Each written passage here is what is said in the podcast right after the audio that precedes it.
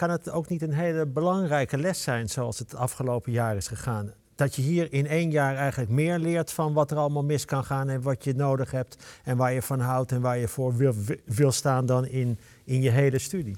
Ja, ik denk ook wel dat een groot deel van de studenten hier misschien beter uitkomt en dingen over zichzelf heeft geleerd, zoals alle grote mensen eigenlijk uh, misschien in deze tijd. Dat ze helder voelden wat ze misten. Precies. Kom daar maar eens achter op die leeftijd. Ja, wat belangrijk voor je is. Ja. Hallo en welkom bij de podcast van Peter Heerschop en Marcel van Herpen Onderwijs Vandaag. Met een uitroepteken, vandaag met een uitroepteken. Niet omdat vandaag de belangrijkste dag is, morgen is het namelijk alweer voorbij, maar omdat we alleen vandaag hebben om te doen wat nodig is. Vandaag mag leren van het verleden, zich richten op de toekomst, maar het moet vandaag gebeuren. En daarom bespreken we in deze onderwijspodcast vandaag. Omdat er veel gebeurt, omdat er veel te leren en te lachen is, maar ook omdat we ons soms zorgen maken. We spreken met studenten, docenten, gasten, tips, tops, vrolijkheid en ongemak. We duiken de hogeschool in, de hogeschool van vandaag. En vandaag zijn we te gast bij Fontis in de Geluksweek. En we spreken onder andere met Joep Houterman, de voorzitter van het College van Bestuur. Peter, heb je enig idee wat een voorzitter van het College van Bestuur doet? Nee, ik weet alleen dat hij dan waarschijnlijk heel hoog is. Ja? Maar, maar wat hij dan precies allemaal doet, nou, dat zou ik wel kunnen bedenken, maar ik weet het niet. Dan gaan we het vragen naar Joep. Joep, welkom, fijn dat je er bent. Uh, wat doet een voorzitter van het college van bestuur? Uh, mijn eerste woord wat op, opkomt is heel veel vergaderen en praten met mensen, zeg maar. Hè. Dus laten we zeggen, dat is in de, de activiteit. Hè. En uh, waar het dan over gaat, eigenlijk gaat het over de hele hogeschool.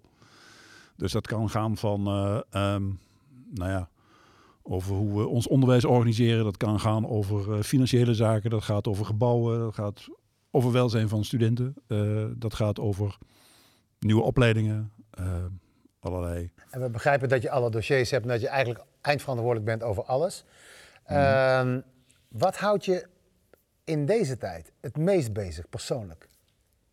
Um, wat ik aan deze tijd het ingewikkeldst vind, is, um, dat is de, het intermenselijke contact. Wel, wij zitten hier nu met z'n vijven op grote afstand van elkaar. Uh, maar we zien elkaar nog en we kunnen elkaar nog heel even zien over nou ja, hoe dat je erbij zit en wat de blik in je ogen is. Uh. En dat lukt in het afgelopen jaar is dat op heel veel plekken en heel veel momenten niet gelukt. En dat vind ik echt, een, echt wel een verarming van ons als gemeenschap. Um, voor zowel studenten, maar ook voor de medewerkers. Dus dat houdt me wel bezig. Joep, heb je dan als dit niet zou spelen, hoeveel contact heb je werkelijk met de studenten? Nou, ik heb een aantal formele contacten. Hè. Uh, ik praat met de studentenfractie van de medezeggenschap uh, in zoveel weken. Uh, we hebben allerlei commissies waar studenten ook in participeren, die meepraten vanuit een beleidsperspectief. Ja, kom ze op de gang tegen. Ehm, dus, je, de, dus we hebben wel een aantal georganiseerde momenten waarop je dat gesprek met studenten wel voert. Hoe belangrijk zijn die momenten voor jou? Die zijn wel belangrijk, want studenten weten ook altijd net even een ander perspectief in te brengen dan medewerkers of dan jezelf. Dus ik vind dat studentenperspectief wel, wel van belang. Dan spreken we vandaag in deze podcast over het studentenwelzijn. Um, ja, dat, dat, laten we zeggen, dat, dat is iedereen belangrijk gaan vinden. We moeten straks misschien nog even kijken of het niet doorgeslagen is. Maar wat is je grote zorg als het over het studentenwelzijn gaat? Wat is jouw beeld daarop? Um, nou ja, je gebruikt het in een bijzinnetje het woord doorslaan. Hè? Dat, ja? dat, ik, als je niet erg vindt, pak je hem die even vast. Zeker. Um, ik denk dat wij dat het een hele lastige periode is, maar we het, de periode alleen nog maar lastiger te maken door continu te benoemen dat het zo lastig is. Uh -huh. uh, want studenten zijn net gewone mensen, hè? dus die reageren gewoon op deze situatie. En we hebben natuurlijk een enorm scala aan hoe mensen deze situatie ervaren. Uh -huh. Dus we hebben uh, een paar weken terug was er, kreeg ze ongeveer iedere dag in de krant dat er weer een ingezonden stuk was. Of een, op een, een, iemand werd geïnterviewd en waarin ik dacht van goh, zijn dit nou, gaat het nou over de studenten van Fontes? Laten we zeggen, dat was één tranendal over pure depressiviteit en, en dergelijke. Wat voorbij ging aan nou ja, de geluiden die ik ook wel van studenten hoor, dat ze wel kunnen dealen met de situatie. Dus dat perspectief is er ook. dat ook wel studenten zeggen van, goh, hier zit ook wel op sommige terreinen wel een aantal eh, voordelen aan. Maar wat ik er wel ingewikkeld aan vind, is dat wij... We zijn niet alleen maar een hogeschool om te zorgen dat je je, je, je vakjes doet en een toets maakt en uh, kennis afgevinkt, et cetera. Maar je studietijd is ook een heel sociaal gebeuren. Het is ook gewoon een fijne tijd om met je collega-studenten, met je leeftijdsgenoten, met mensen die je interesses, met wie je de interesses deelt, om het over die interesses te hebben en tegelijkertijd ook gewoon met je leeftijdsgenoten de dingen te doen die je met je leeftijdsgenoten doet. Naar de kroeg gaan, uh, lol maken, uh, et cetera. En die dynamiek is weg. Tenminste, die is uit de hogeschoolgebouw weg. Want er loopt af en toe wel eens een verdwaalde student, maar er klitten geen groepjes studenten meer Nee. bij elkaar Nee. ehm, na de les of whatever. En zie je dat als twee gescheiden aspecten? Dus dat, dat studenten hun studentenleven hebben, dat sociale leven hebben, waar iedereen eh, achteraf de grote verhalen van heeft. Eh, en dan hun studie. Of hebben ze ook iets met elkaar te maken? Ze hebben heel veel met elkaar te maken. Want het is namelijk in dezelfde periode. En datgene wat er buiten de, de campus zich afspeelt in het sociale leven, dat vertaalt zich natuurlijk gewoon wel door on de campus. Dat is één en hetzelfde leven. Het zijn wel, je doet het op twee verschillende plekken.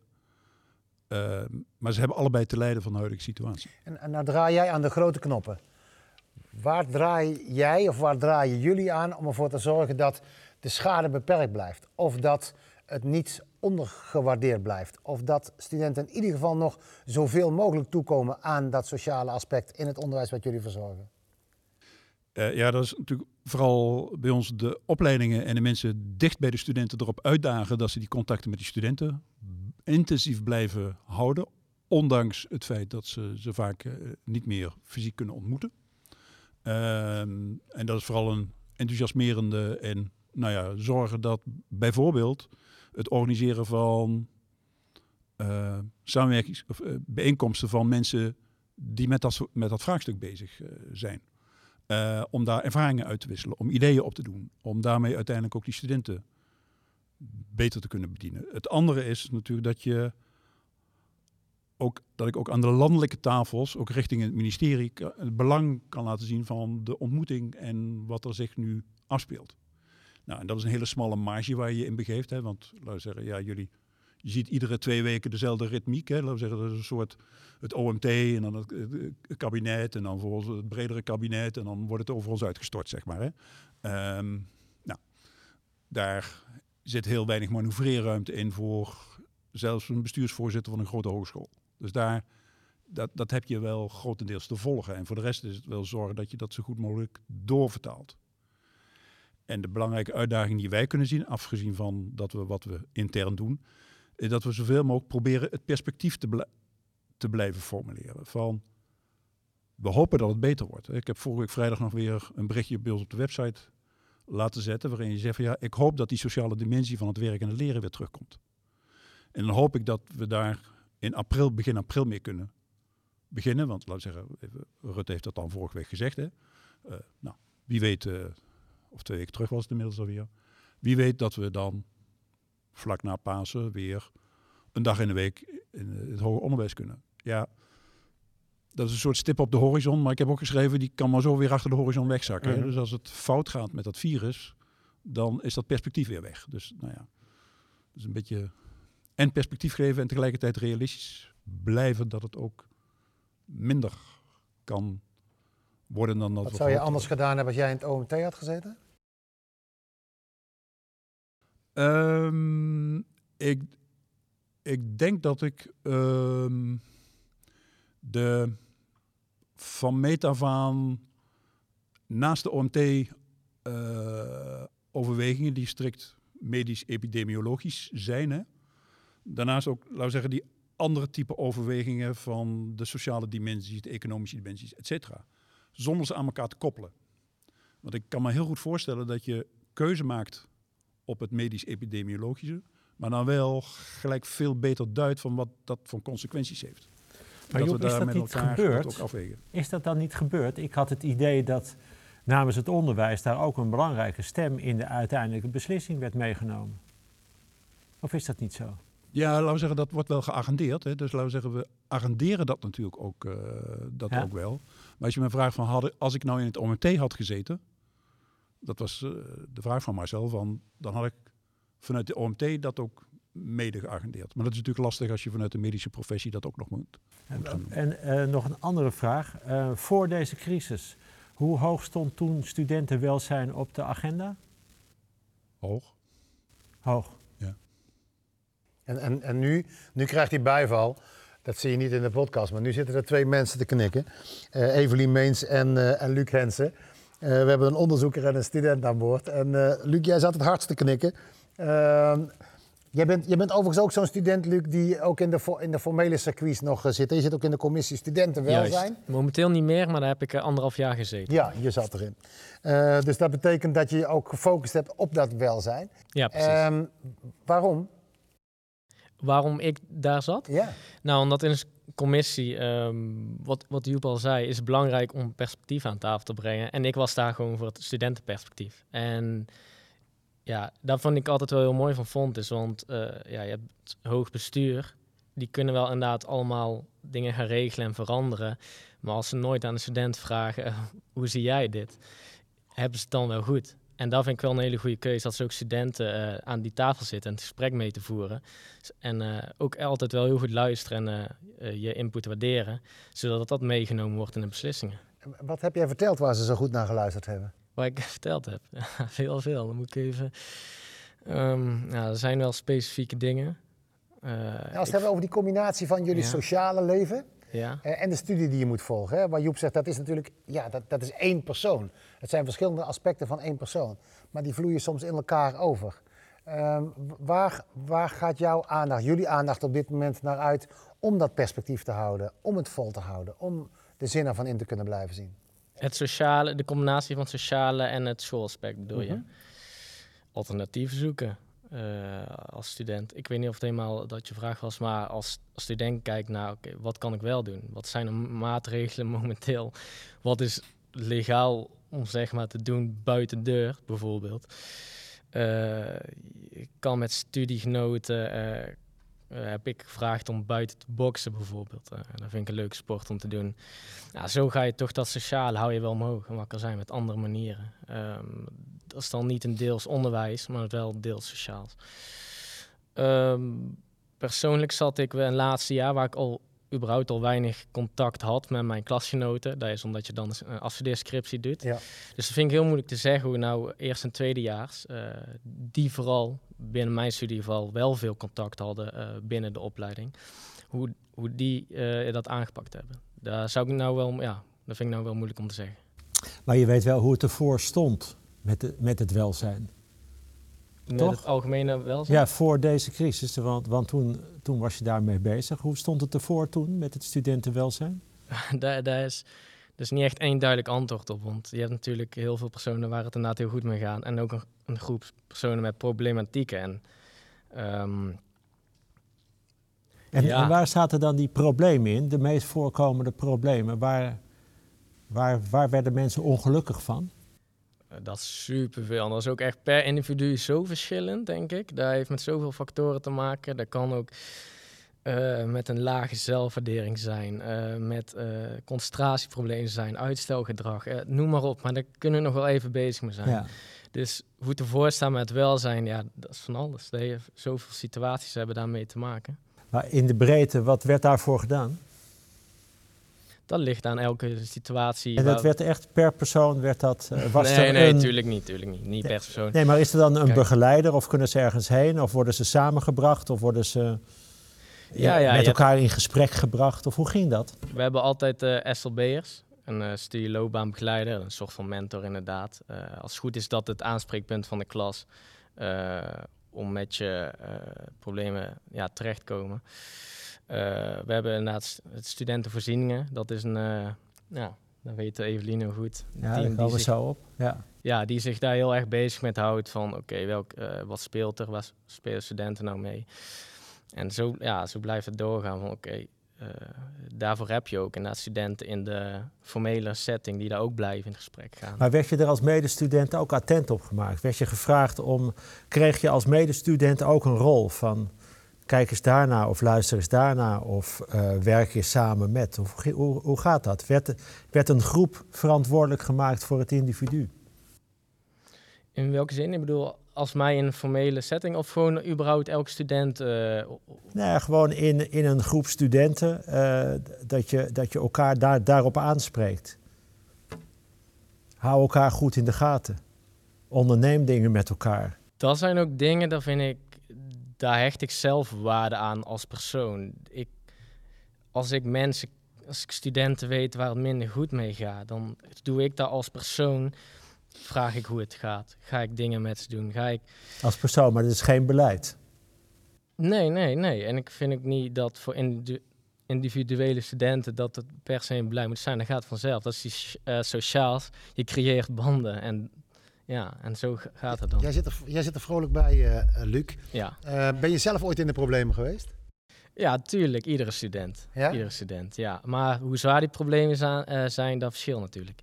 En, en, Joep, ik zag je eventjes twijfelen bij, bij de opmerking, is dat geen beleid? Is nou, ik zou zeggen, het beleid, we hebben... Um, in het begin van de crisis hebben we ook wel heel nadrukkelijk de oproep gedaan om elkaar te, te blijven opzoeken.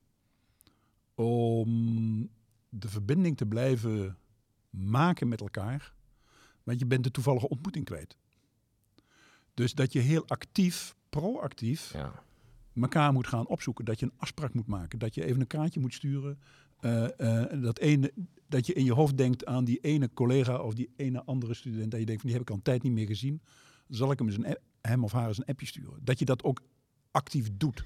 Want laten we zeggen, daarmee compenseer je toch op zijn minst um, een deel van, het van, van de terloopse ontmoeting die je anders ja. uh, hebt. Zijn jullie met iedereen in contact gebleven, Joop? met alle studenten? Ja, daar is wel heel erg beleid opgevoerd. Als je me nou vraagt, weet je zeker dat we met alle 46.000 studenten contact hebben gehad? Dat, nee, dat ik, durf ik niet te beweren. Maar we hebben daar wel heel erg gepocht om dat te onderstrepen hoe belangrijk dat, dat is. En jullie hebben een onderzoek erin gezet om ook het welzijn van de studenten in coronatijd te onderzoeken. Eveline Meens, welkom. Um, wat kun jij zeggen? Wat, wat zie jij in deze tijd? Wat, wat valt op? Welke data heb je ja, wij zijn uh, met onderzoek begonnen toen de coronacrisis net uitbrak in april. Uh, toen hebben we metingen gedaan. Hoe staat de student er nu voor? Uh, dat hebben we nog een keer in juni gedaan, nog een keer in november.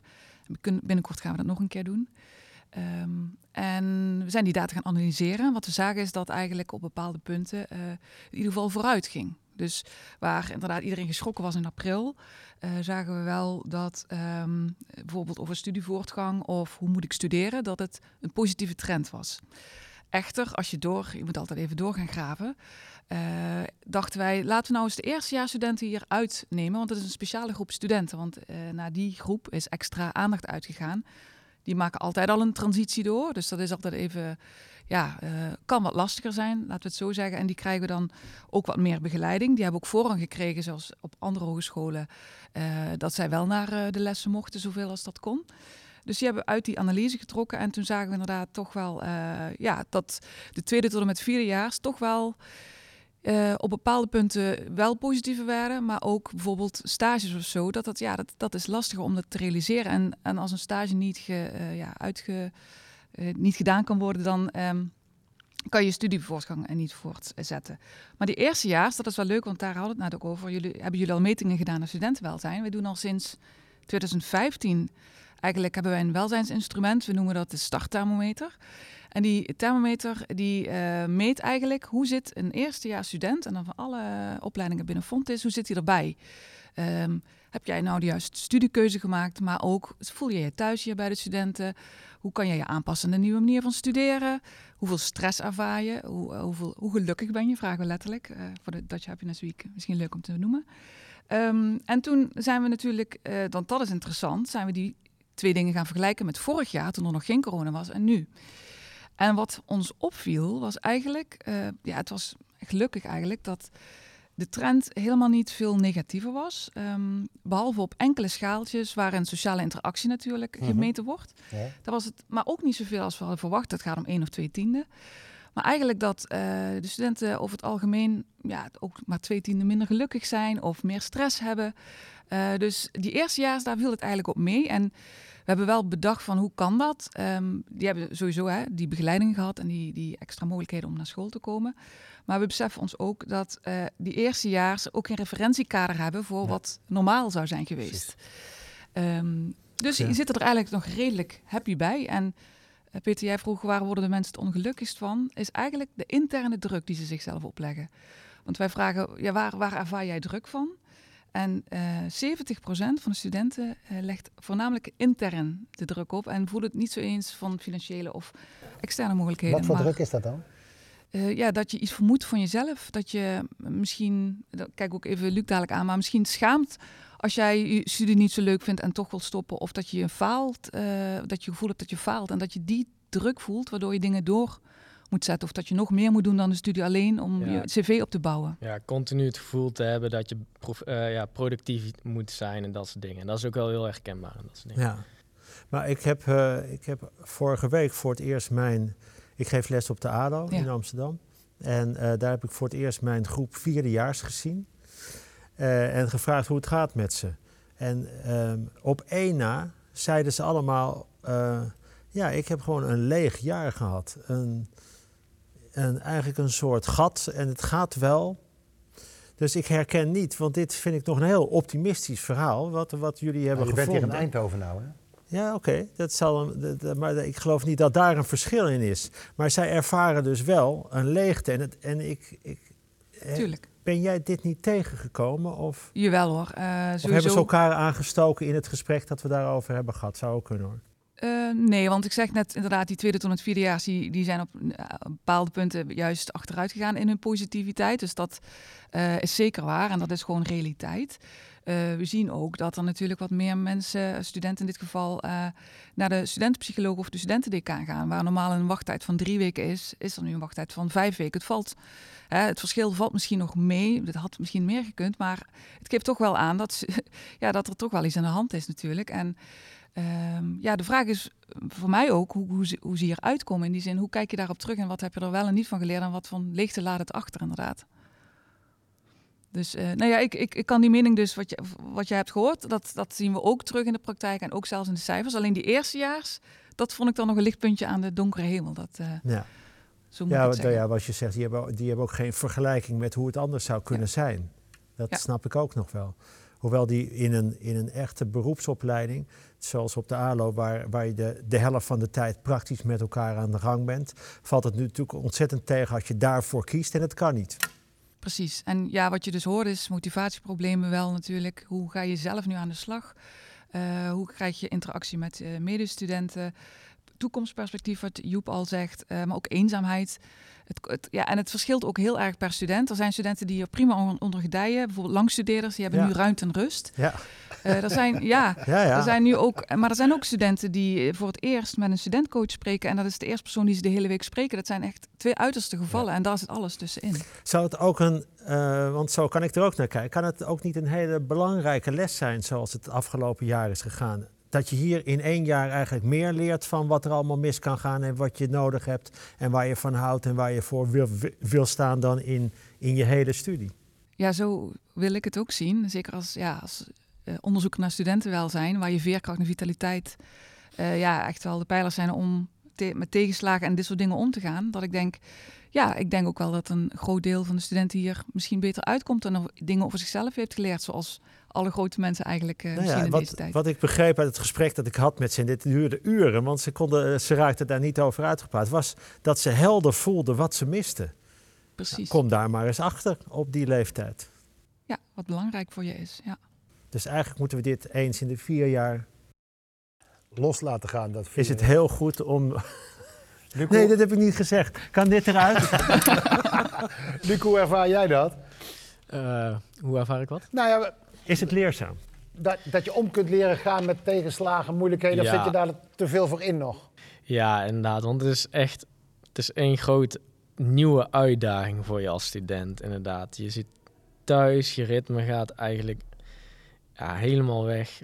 Er wordt, ja, je gaat niet meer vroeg naar school. Dus je bent constant bezig met die motivatie, met jezelf uitdagen. Oké, hoe krijg ik het mijn werk wel gedaan? Hoe krijg ik een wel een productieve dag? Hoe kan ik het zo indelen dat ik wel genoeg heb gedaan en daar tevredenheid uh, mee ervaar?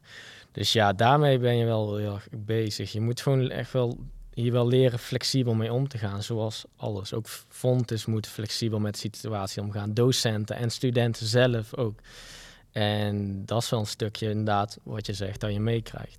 Maar Joep, dit klinkt heel erg interpersoonlijk.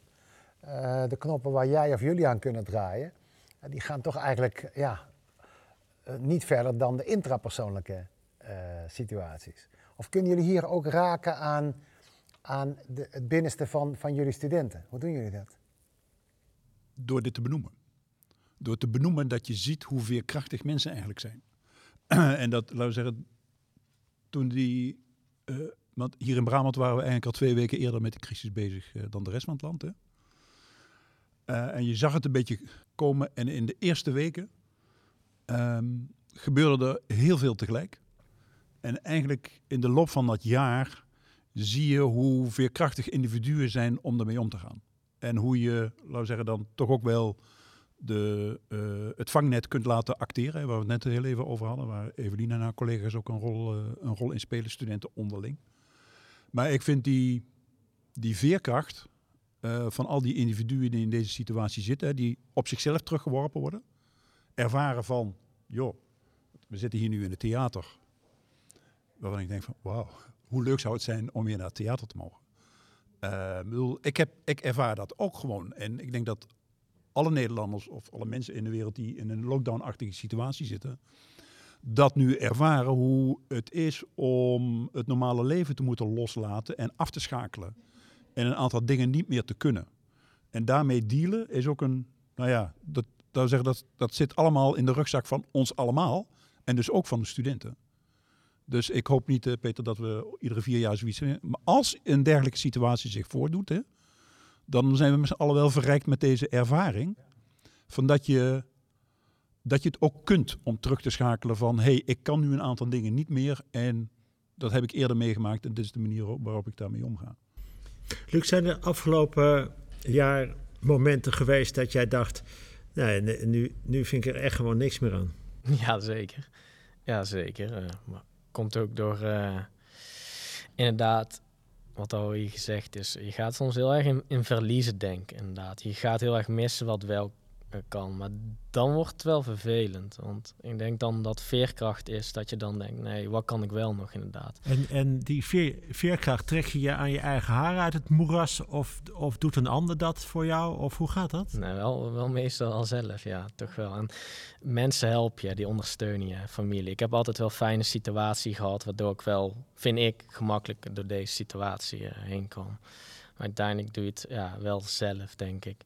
Heb je bij anderen ingegrepen? Want je zei, ik trek het me dat wel aan als individu. Ik hou dat wel in de gaten. Ja, maar dat heb ik altijd al gedaan. Ja. Oké, okay, dit is niet anders dan dit. Nee, ik heb altijd mijn uh, vriendschappelijke relaties die ik opgebouwd heb, maar ook met familie, uh, ja. heb ik altijd belangrijk gevinden, uh, gevonden. En daar heb ik ook niet verminderd. Ja, ja, het is verminderd, maar ik heb er me daar wel nog steeds blijven appen, nog steeds kijken. Kunnen wel met z'n drieën zitten.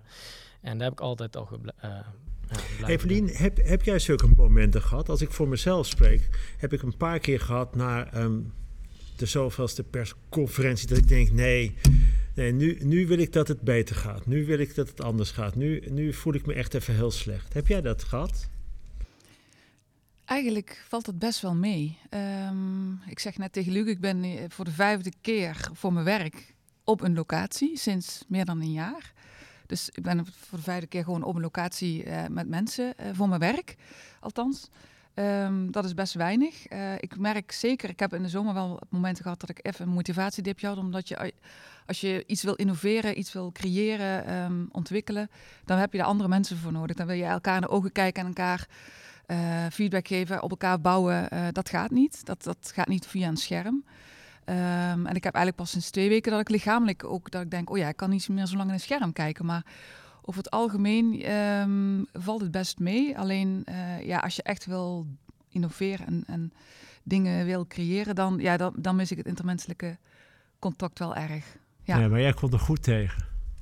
Ja, Ja, ik, ik, heb, ik, heb, nou ja, ik heb dat Ja. jaren gebruikt om een boek te schrijven bijvoorbeeld. Dus, ja, ja. dat is hartstikke goed. Ja. Dus het is waar, ik, waar Joep ook mee begon. We hoeven elkaar niet in, de- in de put te praten. Als het goed gaat, gaat het goed. ja, en dat heb ik ook eh, ja, nee, en- dus, ja, eh, eh, aan het eind van het jaar Ik vind het fijn om te horen juist. Toch Evelien, je, je hebt, ik, ik vind dat jij optimistische cijfers hebt. En dat ik jullie, jullie heel makkelijk de toon van de veerkracht pakken. Maar ik zou bijna zeggen, nog los van de coronacrisis, waren er al veel eh, signalen dat pubers, adolescenten, eh, eigenlijk steeds depressiever werden, moeilijker met, met de omstandigheden om konden. En dat die corona daar nog eens overheen zou zijn gegaan. Hoe, hoe kijk je naar dat beeld? Ja, het zal zeker voor een groep studenten ehm, echt nog veel erger zijn. Die hadden al inderdaad al aandacht nodig. Ehm, bijvoorbeeld eh, iemand met autisme heeft meestal, ik heb daar zelf niet, inhoudelijk niet zoveel verstand van, maar bijvoorbeeld stru- structuur nodig. Nou, als je niet meer naar school mag en je alles moet thuis doen, dan is dat vrij verrekte lastig.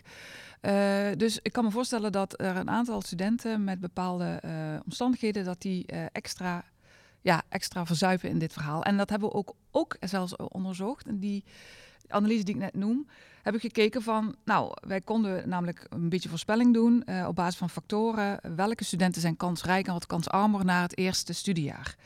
Daar hebben we de, de topscorers en de, eh de downscorers, zeg maar de, laatste, de laagste groep, eh, hebben gewoon eens voor, voor de gein eigenlijk met elkaar vergeleken van hoe scoort die verschillende groepen nu op die coronavragenlijst die wij dus in april, juni en in november hebben afgenomen. En dan zie je dus inderdaad dat die twee echt wel van elkaar verschillen en eigenlijk uit elkaar lopen. En dan weet je dus eigenlijk ook, en dat zeggen ze ook in de media, en dat konden we nu staven van met de mensen waar het goed ging, nou, die, die redden zich wel en dan gaat het misschien nog wel beter mee. Want eh, er zijn ook bijvoorbeeld hoogbegaafde studenten die het heerlijk vinden om thuis hun ding te doen. Ehm, maar eh, er zijn ook studenten die het wel hard nodig hebben en nu nog harder nodig hebben. Ja. Dus dat loopt eigenlijk, kan het meer uit elkaar lopen. En eh, dat is minder zichtbaar, maar dat is zeker aanwezig.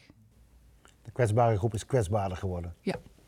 Ja, ja, corona zet eigenlijk op alles een vergrootglas. Zo zie ik het bij alles eigenlijk wat corona Is, heeft is, er, is er nog iets uit jouw onderzoek wat we niet onbesproken mogen laten in deze podcast? Nee, nee ik, eh, ik heb eigenlijk alles wat ik eh, daarover wilde zeggen erin gegooid. En eh, ja, Joep, wat is jouw tip met jouw opgemonterde karakter? je vrolijke houding, eh, Luc, met, met, met, met alles wat voor jou goed gaat. Wat is, wat is eh, jouw tip aan de, de medestudenten die het, eh, die het soms even niet zien zitten? Dat is makkelijker gezegd dan gedaan. Alleen zoek echt elke keer naar alternatieven. Wat kan er wel? Ga niet denken na en verliezen van... oh, dit zou zo leuk zijn als we dit nou kunnen doen, maar dat kan niet. Nee, wat kan wel en ga dat doen. En ben daar ook tevreden mee. Er- Ervaar ook daarin plezier. Eh, als we dan over welzijn hebben. Eh, ja, zoiets denk ik wel.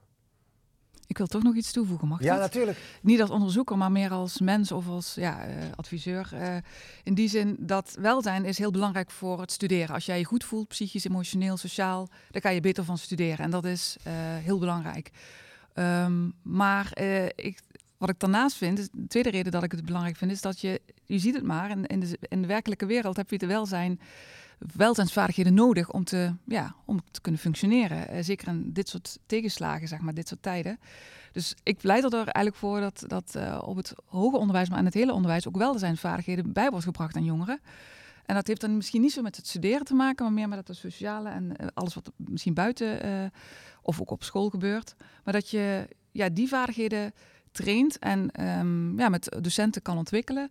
Zodat je later, eh, als je echt buiten school komt te staan, hè, dus als je afgestudeerd bent of aan het werk bent, dat je dan ook daarmee weet om te gaan.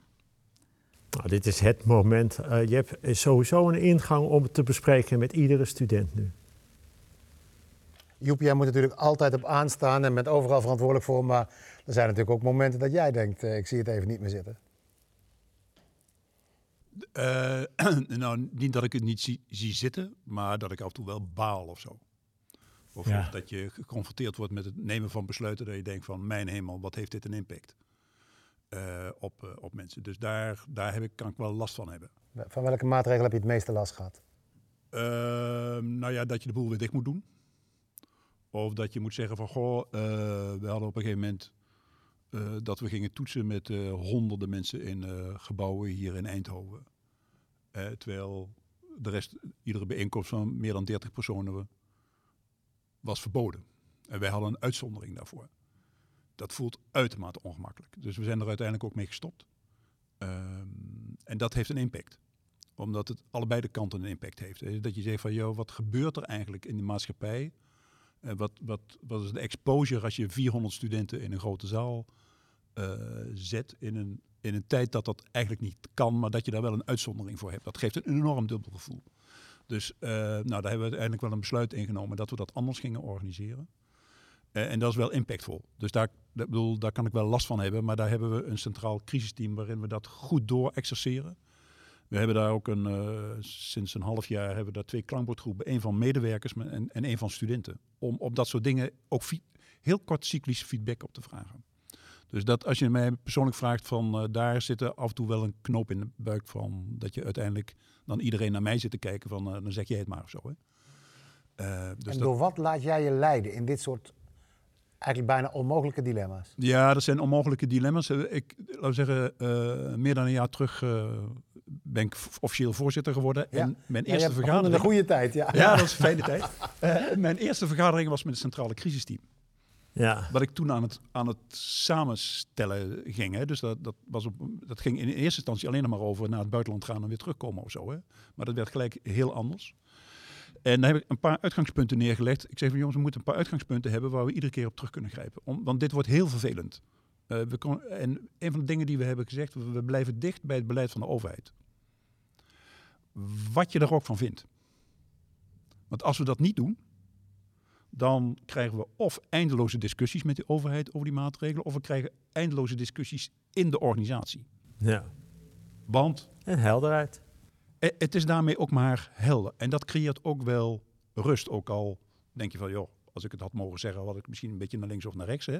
Maar daarmee creëer je ook wel rust aan, uh, aan, aan, aan die voorkant van dat proces. Als, als laatste, waar, en dat echt eh, kort, waar, waar zijn jullie afgelopen jaar echt gelukkig van geworden?